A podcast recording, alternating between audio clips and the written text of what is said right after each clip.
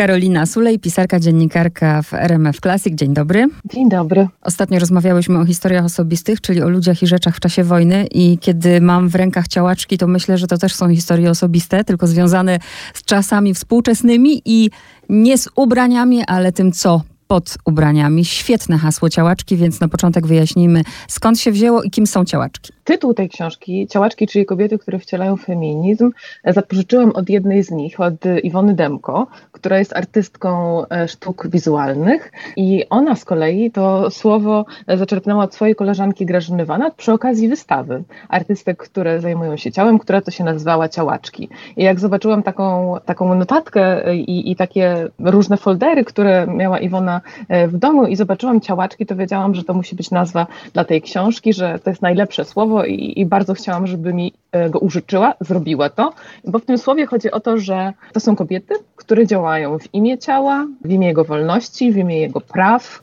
dla niego, wobec niego. Generalnie po prostu robią dobre rzeczy, żebyśmy szczęśliwiej e, przebywały w naszych ciałach i doświadczały. Wypadałoby wymienić wszystkie, ale z drugiej strony być może, bo mam na myśli tutaj, że audycji słuchają w ogóle nie tylko kobiety, ale nawet jeśli to być może nie wszystkie panie są znane, więc tak, najpierw o kluczu doboru, a później jednak mhm. wymieńmy i chociaż jedno słowo powiedzmy o każdej z nich. To może najlepiej będzie, jak y, E, będziesz czytała imię czy, czy, czy pseudonim, Dobra. a ja będę mówiła, kto to jest, na przykład. Dobra. Ale też wspomnę e, jeszcze na wstępie, że oczywiście ta książka jest skierowana głównie do kobiet, ale ciała mamy wszyscy. I ta opowieść o równości i o tym, żebyśmy byli szczęśliwi w ciałach, wszystkich dotyczy, bo feminizm jest takim radykalnym poglądem, który twierdzi, według którego kobieta jest po prostu człowiekiem, a wszyscy jesteśmy ludźmi, więc jest to książka o prawach człowieka. Dla wszystkich. A teraz możemy wymienić e, te... To tylko tak. proszę cię o jedno słowo takie dla uporządkowania. Oczywiście. Krystyna Kofta? Pisarka. Nina Kowalewska-Motlik? Bizneswoman i wydawczyni. Renata Dancewicz? Aktorka. Paulina Młynarska? Dziennikarka i ikona telewizji. Iwona Demko? Artystka. Katarzyna Szustow. Koordynatorka scen intymnych w filmach. Krystyna Kacpura i Justyna Wydrzyńska. E, działaczki e, związane e, z ruchem dotyczącym praw reprodukcyjnych, jedna z Federą, a druga z aborcyjnym Zentimem. Aleksandra Józefowska. Edukatorka seksualna związana przez lata z grupą Ponton. Tutaj mamy trzy panie. Agnieszka Szerzyńska, Agata Lewe-Kurilla i Patrycja Wonatowska. Czyli twórczynie Instytutu Pozytywnej Seksualności. Każda z nich zajmuje się innymi rodzajami warsztatów, ale wszystko w obszarze tego, że seks ma być przyjemny, może być i dla wszystkich. Marta Niedźwiecka. Seks coach, terapeutka, podcasterka podcastu Od Zmierzchu. Kamila Raczyńska-Homen. Znana w internecie jako Dobre Ciało, ekspertka od mięśni dnia, dna miednicy e, i masaży e, intymnych e, oraz e, wszystkiego, co chcecie wiedzieć o menstruacji. Aleksandra Domańska aktorka i e, twórczyni hashtagu e, Ciało bogini za nic się nie wini. Betty. Performerka burleski. Margaret. Piosenkarka. Marta Dix. Modelka. Izabela Sopalska-Rybak. E, aktywistka zajmująca się e, prawami osób z niepełnosprawnościami i sportswomanka. Joanna Okuniewska. Podcasterka. I Kakatarzis performerka i drag performerka. No i teraz trudne pytanie, dlaczego one? Bo ja podejrzewam, że lista była dłuższa. Oj, lista była dłuższa i to mnie też podnosi na duchu i sprawia, że bardzo wierzę w to, co my kobiety mamy e, do powiedzenia i że zrobimy to razem, bo legion jest naprawdę tych kobiet, które mogłyby w tej książce się znaleźć. Zresztą we wstępie do książki, bo książka jest opatrzona wstępem i posłowiem, e, wymieniam te kobiety i mam nadzieję, że jeszcze kiedyś będę miała szansę o nich napisać, a dobierałam kobiety z życia publicznego, to był pierwszy warunek, bo chciałam, żeby to były takie rozmowy o cielesności, które już zasiały jakieś ziarna, bo nawet wydały owoce w dyskursie publicznym, żeby pokazać, jak wiele już się zmieniło i w jak wielu miejscach, bo to są, tak jak przeczytałam, i artystki, i aktywistki, i pisarki z różnych miejsc i w różnym wieku, więc chciałam, żeby to był pewien przekrój przez posiadanie ciała, żeby była tam osoba, która pokazuje również, że definicja kobiecości jest szersza niż biologiczna cielesność, no i że w ogóle tych definicji kobiecości jest multum i że możemy nasze ciała traktować jak chcemy, bylebyśmy wiedziały, co nam sprawia ból, a co przyjemność i nie bały się tego zgłębiać, bo o to chodzi w feminizmie, żebyśmy wszystkie mogły robić to, co nas czyni szczęśliwymi, bo mamy jedno życie i żyjemy tym życiem wcielonym. Więc chciałam pokazać pełnię spektrum i pełnię wyboru i to nie w sposób publicystyczny, nie rozpolitykowany, nie zideologizowany, tylko poprzez biografię ciał i biografię kobiet, które chciały, żebyśmy my jako kobiety miały się ze sobą zwyczajnie lepiej, wchodziły w lepsze związki, kreśliły swoje granice, e, umiały przeciwstawiać się przemocy, żebyśmy dbały o nasze zdrowie, a nie tylko zajmowały się naszym ciałem, tak jakby było samą powierzchnią li tylko, a my jakby byśmy były jakimiś chochołami próżnymi w środku, bo polerować to można samochód, a ciało jest skomplikowanym wehikułem, który ma nas ponieść przez życie, a nie jakąś dekoracją. Ja jeszcze zapomniałam wymienić Karolinę Sulej, bo przecież e, mamy tutaj też twoją historię. Mamy.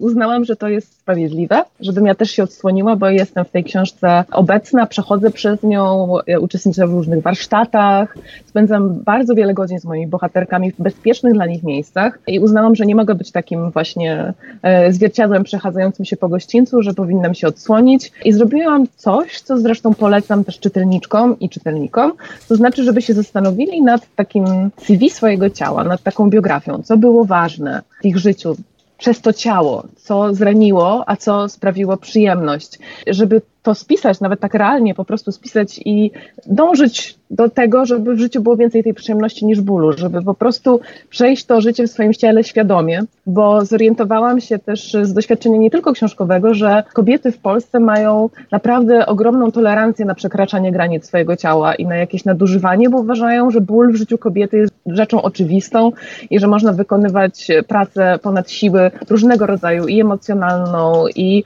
i taką całkiem realną fizyczną, i pozwalać się e, dotykać, bo przecież nic się nie stało. Jak kolega się upił i w klubie próbował się do mnie przystawiać, albo przez przypadek mnie tam pacnął, no trudno. Więc y, generalnie chodzi o to, że mamy do zakreślenia swoje granice jeszcze raz, tym razem na naszych zasadach, zamiast pakowania się w taką społeczną foremkę, w której udajemy, że jest nam wygodnie, bo nie jest. Ja się też teraz odsłonię. Powiem ci, y, chcę to powiedzieć, że skończyłam twoją książkę z płaczem i to jest, to jest chyba, nawet teraz w ogóle jak mówię, to, to chce mi się płakać, dlatego, że mm. mm, zresztą kończysz tę książkę, że to książka o kobietach, które poznały historię swojego ciała, zbliżyły się do niego i nie boją się ciała. Ci uświadomiłam sobie, że mimo swoich 44 lat ja tego nie zrobiłam. I pomijając to, o czym ty piszesz, że właśnie każda z nas tak. doświadczyła przemocy i, e, i bardzo bliskie jest mi też e, to, o czym ty, ty masz też tę historię z dzieciństwa, tak. którą opisujesz, to ja mam taką swoją historię chorowania i ja do tej pory mam mam, bo nie mogę przecież powiedzieć, że miałam pretensje do swojego ciała, a dlaczego ono jest przeciwko mnie, a dlaczego ono mhm. właśnie y, nie, nie jest sprawne i tak dalej. I dzięki tej książce ja sobie zdałam sprawę, że chyba największą szkodę, którą, y, którą ktoś zrobił mojemu ciału, to byłam ja sama. Że ja temu ciału w ogóle nie podziękowałam za to, że ono tyle przeszło, tylko wręcz się na nie wściekam, wiesz? I ta książka no, zrobiła mi takie wow w głowie. Ja się bardzo cieszę, bo naprawdę ciało ma niesamowite możliwości, a my je cały czas mam wrażenie, nie, nie potrafimy go nagradzać, a potrafimy sobie robić takie codzienne seanse nienawiści, które są częścią jakiejś porannej pielęgnacji albo nie wiem, wieczornej, że stanąć przed lustrem i powiedzieć, to mi się nie podoba, to jest nie w porządku, to jest nie w porządku, jeszcze się tak pokawałkować, jakby reflektor oświetlał tylko jakieś fragmenty naszego ciała, a nie widzimy siebie jako całości i po tej pielęgnacji możemy spokojnie udać się do dalszych zajęć. No jest to naprawdę bardzo niszczące, bo tak robimy od lat. Ja sama y, to robiłam bardzo długo i nadal mi się jeszcze zdarza, bo to jest bardzo trudne, żeby to z siebie wyeliminować, tym bardziej jak właśnie podczas dzieciństwa mówią nam, że w czymś wyglądamy lepiej, w czymś gorzej, że mamy jakieś łydki grube albo chude, że brzydkie włosy albo ładne i to wszystko bezbronny organizm dorastający po prostu w siebie jak gąbka wsiąka i potem to zostaje y, nawet w dorosłości i powoduje różne dysmorfofobie i jakieś przekonania, które nie mają nic wspólnego z rzeczywistością. Ja bym po prostu strasznie chciała, żeby właśnie za to ciało nie, nie, nie podziękować tak w stylu amerykańskim, w sensie keep smiling i w ogóle wszystko jest ekstra, tylko naprawdę zdać sobie sprawę, że mamy jedno życie i że z tym ciałem mamy to, to życie i inaczej nie będzie i że szkoda marnować czasu na dostosowywanie się do jakichś bzdurnych, e, oderwanych od, e, od jakiejś zmysłowości prawdziwej reguł i zasad, które jakby no, nie zostały z nami skonsultowane, że się tak wyrażę. Mm. I to, mhm. co ty powiedziałaś, jest strasznie przejmujące, bo to, to ciało, w którym chodzimy i żyjemy, żyjemy, ta skóra, w której żyjemy, że tak powiem, cytując Almodovara, no to, to jest nasze narzędzie poznania rzeczywistości. My tu tak. siedzimy, kochamy się, jakby y, gotujemy, biegamy, no nie wiem, wszystko robimy. Tak, a, a powiedz, czy masz taką wiedzę, no możesz też mieć dzięki twojej bohaterce yy, i mam na myśli też Ponton, bo te kobiety, tak. które, które tutaj są, no to są też kobiety, które już coś przepracowały, dorosłe i zastanawiam się, bo też w swojej historii wspominasz, ja to też pamiętam, jak byłyśmy dziewczynkami i piersi nam rosły i od razu garbienie się. Ta tak. przemoc, y, nie wiem, czy, czy też tego doświadczałaś, przemoc ze strony chłopaków, którzy strzelali z tego biustonosza i to był no po prostu potworny jakiś wstyd i myślę o tych współczesnych dziewczynkach, tych małych 13-11-latkach.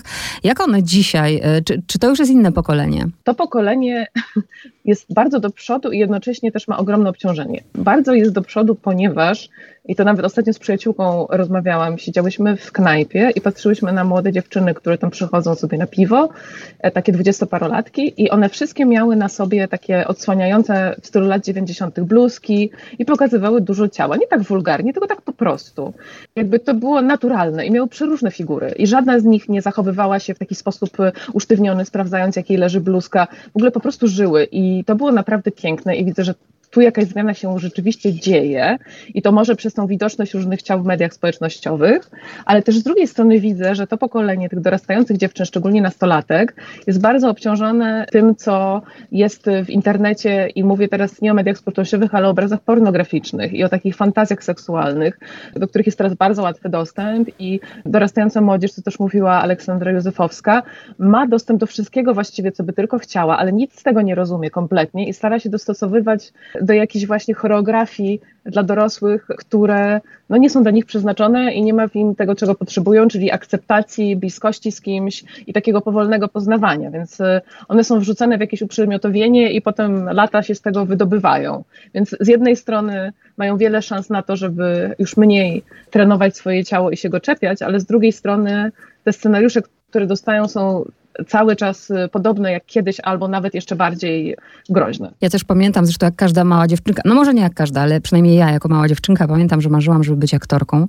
I teraz z perspektywy w ogóle dziękuję wszechświatowi, że tak się nie stało, bo ja bym tego nie dźwignęła. Twoimi bohaterkami są aktorki, chociażby Renata tak. Dancewicz, która pomimo swojego talentu, ona stała się, no Renata Dancewicz to krótko mówiąc piersi. I powiedz, tak jak z nią rozmawiałaś, ona naprawdę jest ponad tym?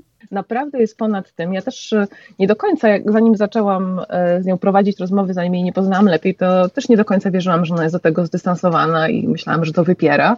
Natomiast e, Renata Dancewicz jest naprawdę prawdziwie wolną osobą i naprawdę bardzo głęboko rozumie siebie i swoje potrzeby. I przede wszystkim chce żyć. Nie chce być przede wszystkim kobietą, która jest aktorką, nie chce być swoim zawodem, ale chce różnych rzeczy w życiu spróbować i robiła to tak długo, aż zrozumiała, co jest jej potrzebne. Łącznie z tymi potrzebami cielesnymi, e, z poczuciem własnej wartości. Więc naprawdę jest taką zupełnie atypową osobą po pięćdziesiątce w Polsce, bo jest wolnomyślicielką, nie ma operacji plastycznych, po prostu dba o siebie rzeczami, które lubi od lat takimi samymi.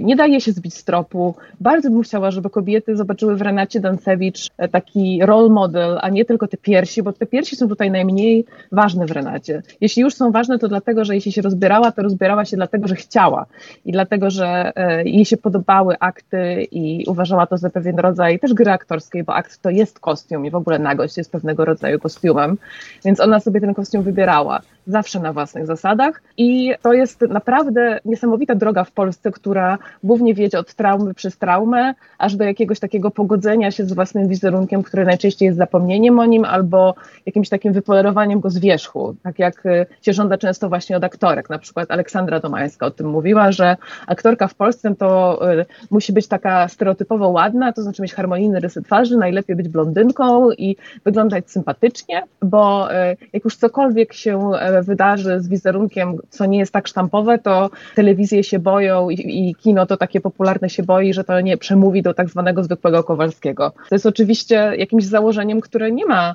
e, jakiegoś uzasadnienia, bo im więcej będzie różnych ciał w telewizji, w kinie, wszędzie, tym bardziej będziemy się czuć swobodnie i szczęśliwie, bo jesteśmy tak skonstruowani jako ludzie, że jak nam się coś długo pokazuje, to się oswajamy, a jak nam się coś pokazuje raz na jakiś czas, to myślimy, że to jest freak show i boimy się. Jedną z swoich bohaterek jest też też e, Paulina Munarska, która była u mnie dwa tygodnie temu w związku z felietonami Okrutna jak Polka. Też myślę o tym, że no, zrobiła niesamowity skok, ale za tym stoją, no za tym stoją lata terapii. Lata. Że to też nie jest takie proste. Oj, nie, zupełnie to nie jest proste i um, mam nadzieję, że z tego rozdziału to nie wynika, bo mhm. praca Pauliny trwa no, odkąd była nastolatką właściwie i, e, i jeszcze do dzisiaj siebie bada, ale dzięki temu, że to robi, jest e, rzeczywiście arcyświadoma wielu rzeczy i nie jest tak, że ona też siebie wybiela. Ona jest wobec siebie również surowa, w tym sensie surowa, że widzi po prostu jasno, jak wiele życia jej zmarnowano, tak. jak wiele ona sama sobie zmarnowała, przejmując się tym właśnie, w jaki sposób jest postrzegana, dając sobie przekraczać granice. I dlatego jest taka wściekła i dlatego z, takim, z taką pasją mówi do innych kobiet, bo po prostu nie chce, żeby się marnowały życie. A ty jako Karolina Sulej daj jakąś radę, bo na przykład intelektualnie bardzo wiele rzeczy rozumiem, pojmuję, mhm. czytam, tylko wiesz, zawsze pierwsza jest emocja i zawsze pierwsza jest, przynajmniej na razie, ta, ta, nie, ta nienawiść do swojego ciała. Jak ty pracowałaś nad tym, żeby to ciało pokochać? Daj mi konkretny przykład. Dobrze, to, to jest nieustająca praca, to na pewno. Jakby to, co mi pomogło, to ta zmiana perspektywy. To znaczy, że przestałam patrzeć na swoje ciało jako na coś, co jest pewnego rodzaju, no właśnie takim obrazem, chodzącym w 2D, który ma mówić coś o tym właśnie, czy się nadaje do jakiejś grupy, czy będę akceptowana, czy nie będę akceptowana, czy jestem dość, w cudzysłowie, piękna na coś, czy nie dość. To była taka kara i nagroda cały czas. Mam swoje ciało ukarać, bo jest nie dość jakie, czy mam właśnie na, nagrodzić e, tym, że, że, że uznam, że właśnie gdzieś pasuje, czy, czy coś mogę zrobić. I to był taki dyskurs, e, w którym zawsze, że tak powiem, na początku było to, że wyjściowo jest źle. Po prostu. I długo tak myślałam i na początku rzeczywiście i mogę to powiedzieć wprost, karałam siebie wręcz fizycznie, że drapałam się, uszkadzałam sobie ciało. Potem y, zaczęłam myśleć o tym, że to ciało jest mi po prostu niepotrzebne, bo będę intelektualistką i humanistką i w związku z tym będę mózgiem. I to też jest ucieczka wielu kobiet, które chcą po pierwsze uciec od ciała jako czegoś obciążającego, a po drugie nie chcą się nim zajmować, bo uważają, że to nie przystoi kobiecie mądrej, żeby w ogóle to ciało zauważać. Więc taka druga skrajność. I naprawdę bardzo długo, nawet nie powiem, może nawet i do tej książki zajęło mi e, i przez tę książkę zajęło mi zrozumienie, że moje ciało to jest przede wszystkim rodzaj takiego własnego pokoju, który musi być mój, tak jak mówiła Virginia Woolf o własnym pokoju mm -hmm. realnym, że to nie może być więzienie dla mnie, bo ja y, jakby tym ciałem przede wszystkim doświadczam i jestem w tu i teraz. I trochę jak pisałam rzeczy osobiste, które są bardzo o tym, że historia, którą opowiadamy się kiedyś zdarzyła, to kiedyś miała to swoje tu i teraz i w związku z tym była zmysłowa, materialna, szczególna, wyjątkowa, jakoś tam właśnie taktylna i że zrozumiałam, że to samo, co ja piszę, że jest ważne w opowiadaniu historii, to jest ważne też w opowiadaniu mojej historii, mojego mojego życia i mojej teraźniejszości. To znaczy, jak to moje ciało doświadcza świata, w jaki sposób gdzieś siedzi, idzie, robi, co ja czuję, jak y, y, moje włosy y, przylegają mi do twarzy, jak wieje wiatr, co ja w ogóle właśnie czuję, jako taki aparat sensoryczny, że moje ciało jest przede wszystkim niesamowitym właśnie takim aparatem nadawczo-odbiorczym, które umożliwia mi życie. I to naprawdę pomaga jak się widzi w sobie to doświadczające ciało, a nie jakiś rodzaj właśnie opakowania, takiego jakby kombinezonu, bo dzięki temu sobie właśnie człowiek uświadamia, że to uprzedmiotowienie nie jest możliwe, bo jeśli siebie uprzedmiotowie, to trochę mu siebie zabijała, zabierała sobie, krzywdziła siebie. I taką perspektywę bardzo polecam i ją się robi właśnie tym pisaniem biografii swojego ciała, bo człowiek się nagle orientuje, właśnie jaką krzywdę pozwalał sobie robić, albo sam sobie robił, albo ktoś mu robił i co mu sprawiało przyjemność i czy tego dużo było, czy tego było mało i właściwie kto tym sterował. To jest po prostu sposób na to, żeby być sprawczym w swoim życiu i, i jakimś takim osadzonym. I strasznie dużo jest teraz o uważności i o jakimś wellnessie i o właśnie o się dbaniu, ale to wszystko są rzeczy, które dotyczą takich, mam wrażenie, aktywności usługowo-produktowych, tak? To znaczy pojadę do jakiegoś spa albo kupię sobie jakiś krem i nie ma nic w tym złego, tylko to się musi zaczynać od takiej głębokiej refleksji nade mną samą i, i właściwie wszystko się od tego zaczyna. I też ta książka dlatego jest y, o ciele jako o pewnym obszarze doświadczenia, że my też nie mamy szufladek. Tutaj jest seks, tutaj jest zdrowie, tutaj jest uroda, tutaj jest jakaś powiedzmy macierzyństwo, a tutaj jest menopauza menopauza. My jesteśmy ciałem, które non-stop przeżywa życie i, i właśnie jakby to wszystko jest połączone e, ze sobą i trzeba nauczyć się siebie rozumieć. To, to jest naprawdę praca, która nie tylko przyniesie nam szczęście na zasadzie takiego poczucia osadzenia i poczucia własnej wartości, ale może na przykład nam uratować życie, bo będziemy wiedzieć, kiedy nasze ciało już nie może i nie będziemy go wtedy dociskać. Będziemy rozumieć, kiedy, kiedy coś nie działa i pójdziemy do lekarza. No, takie bardzo przejmujące jest to, że my jako kobiety nie mamy pojęcia na przykład o tym, jak działają mięśnie na miednicy i w ogóle, co się mm. znajduje w tej naszej miednicy, jak ona pracuje. A to jest fizjologia zwykła, której nas po prostu nikt nie uczy. E, tak samo już nie mówiąc o miesiączce, właśnie menopauzie, czy w ogóle innych e, zależnościach związanych z naszym ciałem, bo ktoś zadecydował, że takie oczywistości, no to jest jakiś rodzaj wiedzy dodatkowej, bo w ogóle ciało kobiety jest wariantem wobec ciała męskiego i nawet studenci medycyny się uczą na wzorcu anatomii, który jest facetem. Generalnie to są takie rzeczy, które naprawdę są nam e, zabierane bez powodu, takie zupełnie podstawowe. I to jest chyba najbardziej szokujące i naprawdę to, że właśnie ty sobie pewne rzeczy uświadamiasz, że ciałem jako 40-paroletnia kobieta, a ja jako 30-paroletnia kobieta sobie pewne rzeczy uświadomiłam, to znaczy, że e, chodzą po tym świecie kobiety, które jakby urodziły dzieci, zapewne weszły w związki, zrobiły naprawdę już wiele w swoim życiu, nie opiekując się tym swoim ciałem, albo nawet nie wiedząc o nim rzeczy, bo e, nikt im nie powiedział, że ta wiedza jest potrzebna. Powiedziano im, żeby to ciało pielęgnować jak jakiś taki ogródek, żeby było w porządku na wierzchu, a co tam w środku, to nieważne. Powiedz, czy jak układałaś te bohaterki, bo zaczęłaś od Krystyny Kofty, czyli od tej pionierki, zaraz powiesz dlaczego tak. pionierki, to układałaś właśnie według doświadczenia tych kobiet te bohaterki? Układałam według języka, jaki mówią o ciele, to na pewno, bo każda mówi z innego miejsca i w inny sposób. Układałam takim rodzajem opowieści o, o tym obszarze cielesności, który pokaże, jak on jest szeroki i głęboki, to znaczy, żeby nie było tylko o seksualności, albo tylko o zdrowiu, albo tylko o, y, o właśnie o urodzie, albo tylko o szczupłości, czy, e, czy ciało pozytywności, żeby pokazać, że jest bardzo wiele po prostu um, tych, tych węzłów, e, które trzeba jakoś tam nanizać na, na tę niteczkę, żeby, żeby o tym ciele opowiedzieć, że się to nie da tak załatwić jakimś prostym hasłem jednym właśnie, albo jakąś jedną definicją, że to jest po prostu wieloaspektowe, tak jak feminizm jest wieloaspektowy zresztą i że bardzo wiele jest do przewalczenia w różnych miejscach tego ciała, więc na tej zasadzie chciałam oświetlić po prostu całość tego ciała, żeby już nic nie zostało w mroku, żaden kawałek, żebyśmy całe siebie wiedziały. No i też ważne było dla mnie opowiedzenie historii Polski trochę tej po, po transformacji przez to ciało widzianej kobiece, czyli historii polskiego feminizmu albo, albo postrzegania kobiecości, po prostu mówiąc bardziej ogólnie i tego, jak wiele się w tym postrzeganiu zmieniło i jak bardzo szybko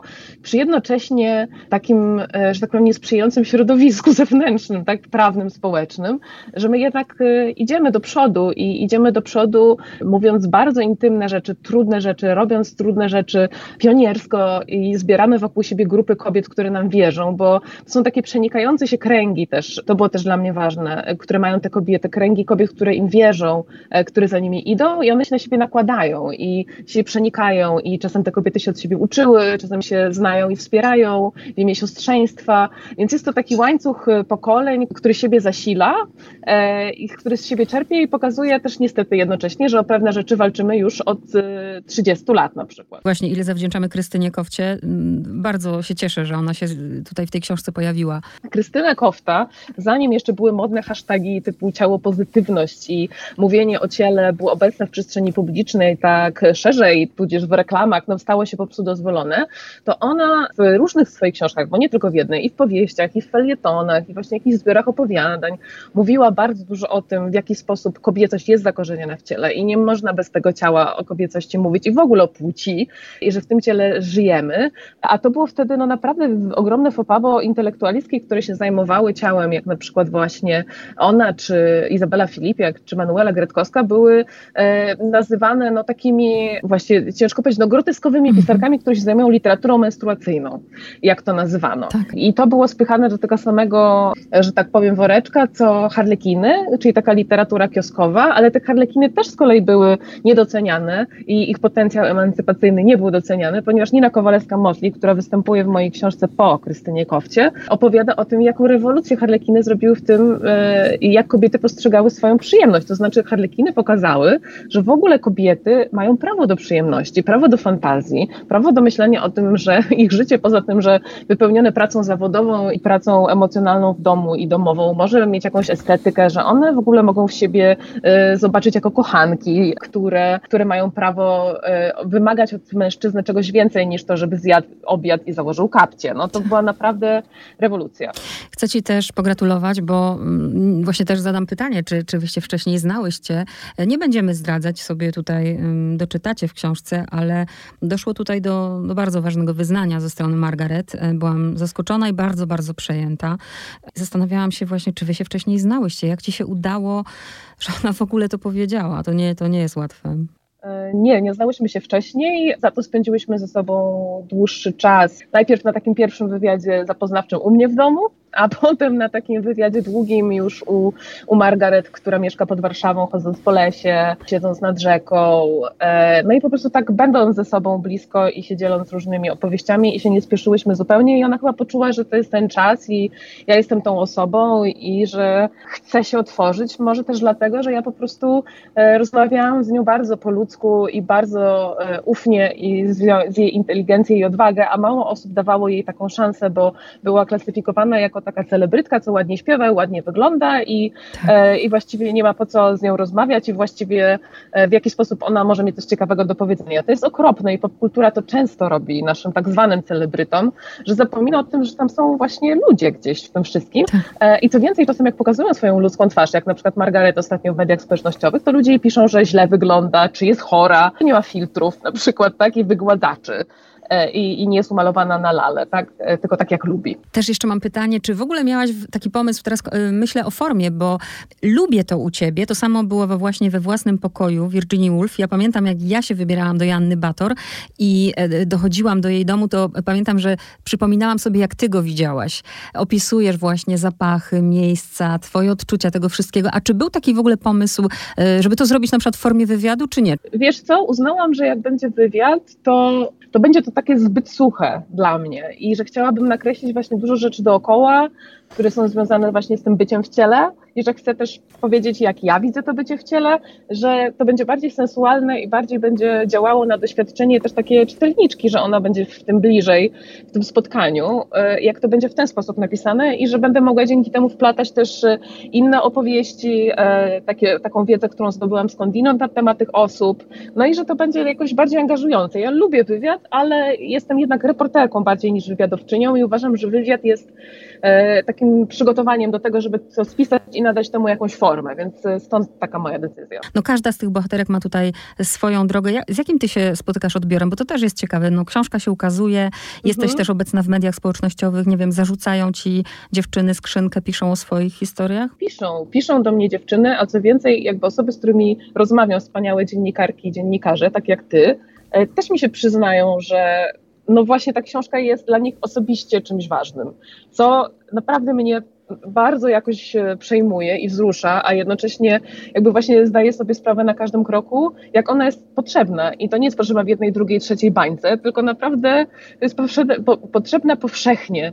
I e, myślę o tej książce jako o książce kolektywie, że napisaliśmy ją razem, że ona jest taką konstelacją kobiecych głosów i bardzo bym chciała, żeby ona podróżowała przez Polskę, przez inne konstelacje i kobiece kręgi, żeby kobiety ją sobie pożyczały, podarowywały w prezencie, żeby inspirowały siebie nawzajem, żeby po prostu miały ze sobą te rozmowy, które ja, ja też miałam, bo takie rozmowy można mieć z przyjaciółką, z mamą, nawet y, ze swoim partnerem czy, y, czy, czy, czy partnerką i to jest y, naprawdę jakiś rodzaj zaproszenia do, do myślenia na, na ten temat inaczej niż nam właśnie dyktują e, mass media czy czy kapitalizm, czy, czy państwo, czy kościół, czy ktokolwiek, jakaś instytucja, która nam e, chce powiedzieć, jak mamy myśleć o ciele i go doświadczać. Chodzi o to, żebyśmy to robili na własnych zasadach i z najbliższymi ciałami, e, o których się też e, troszczymy.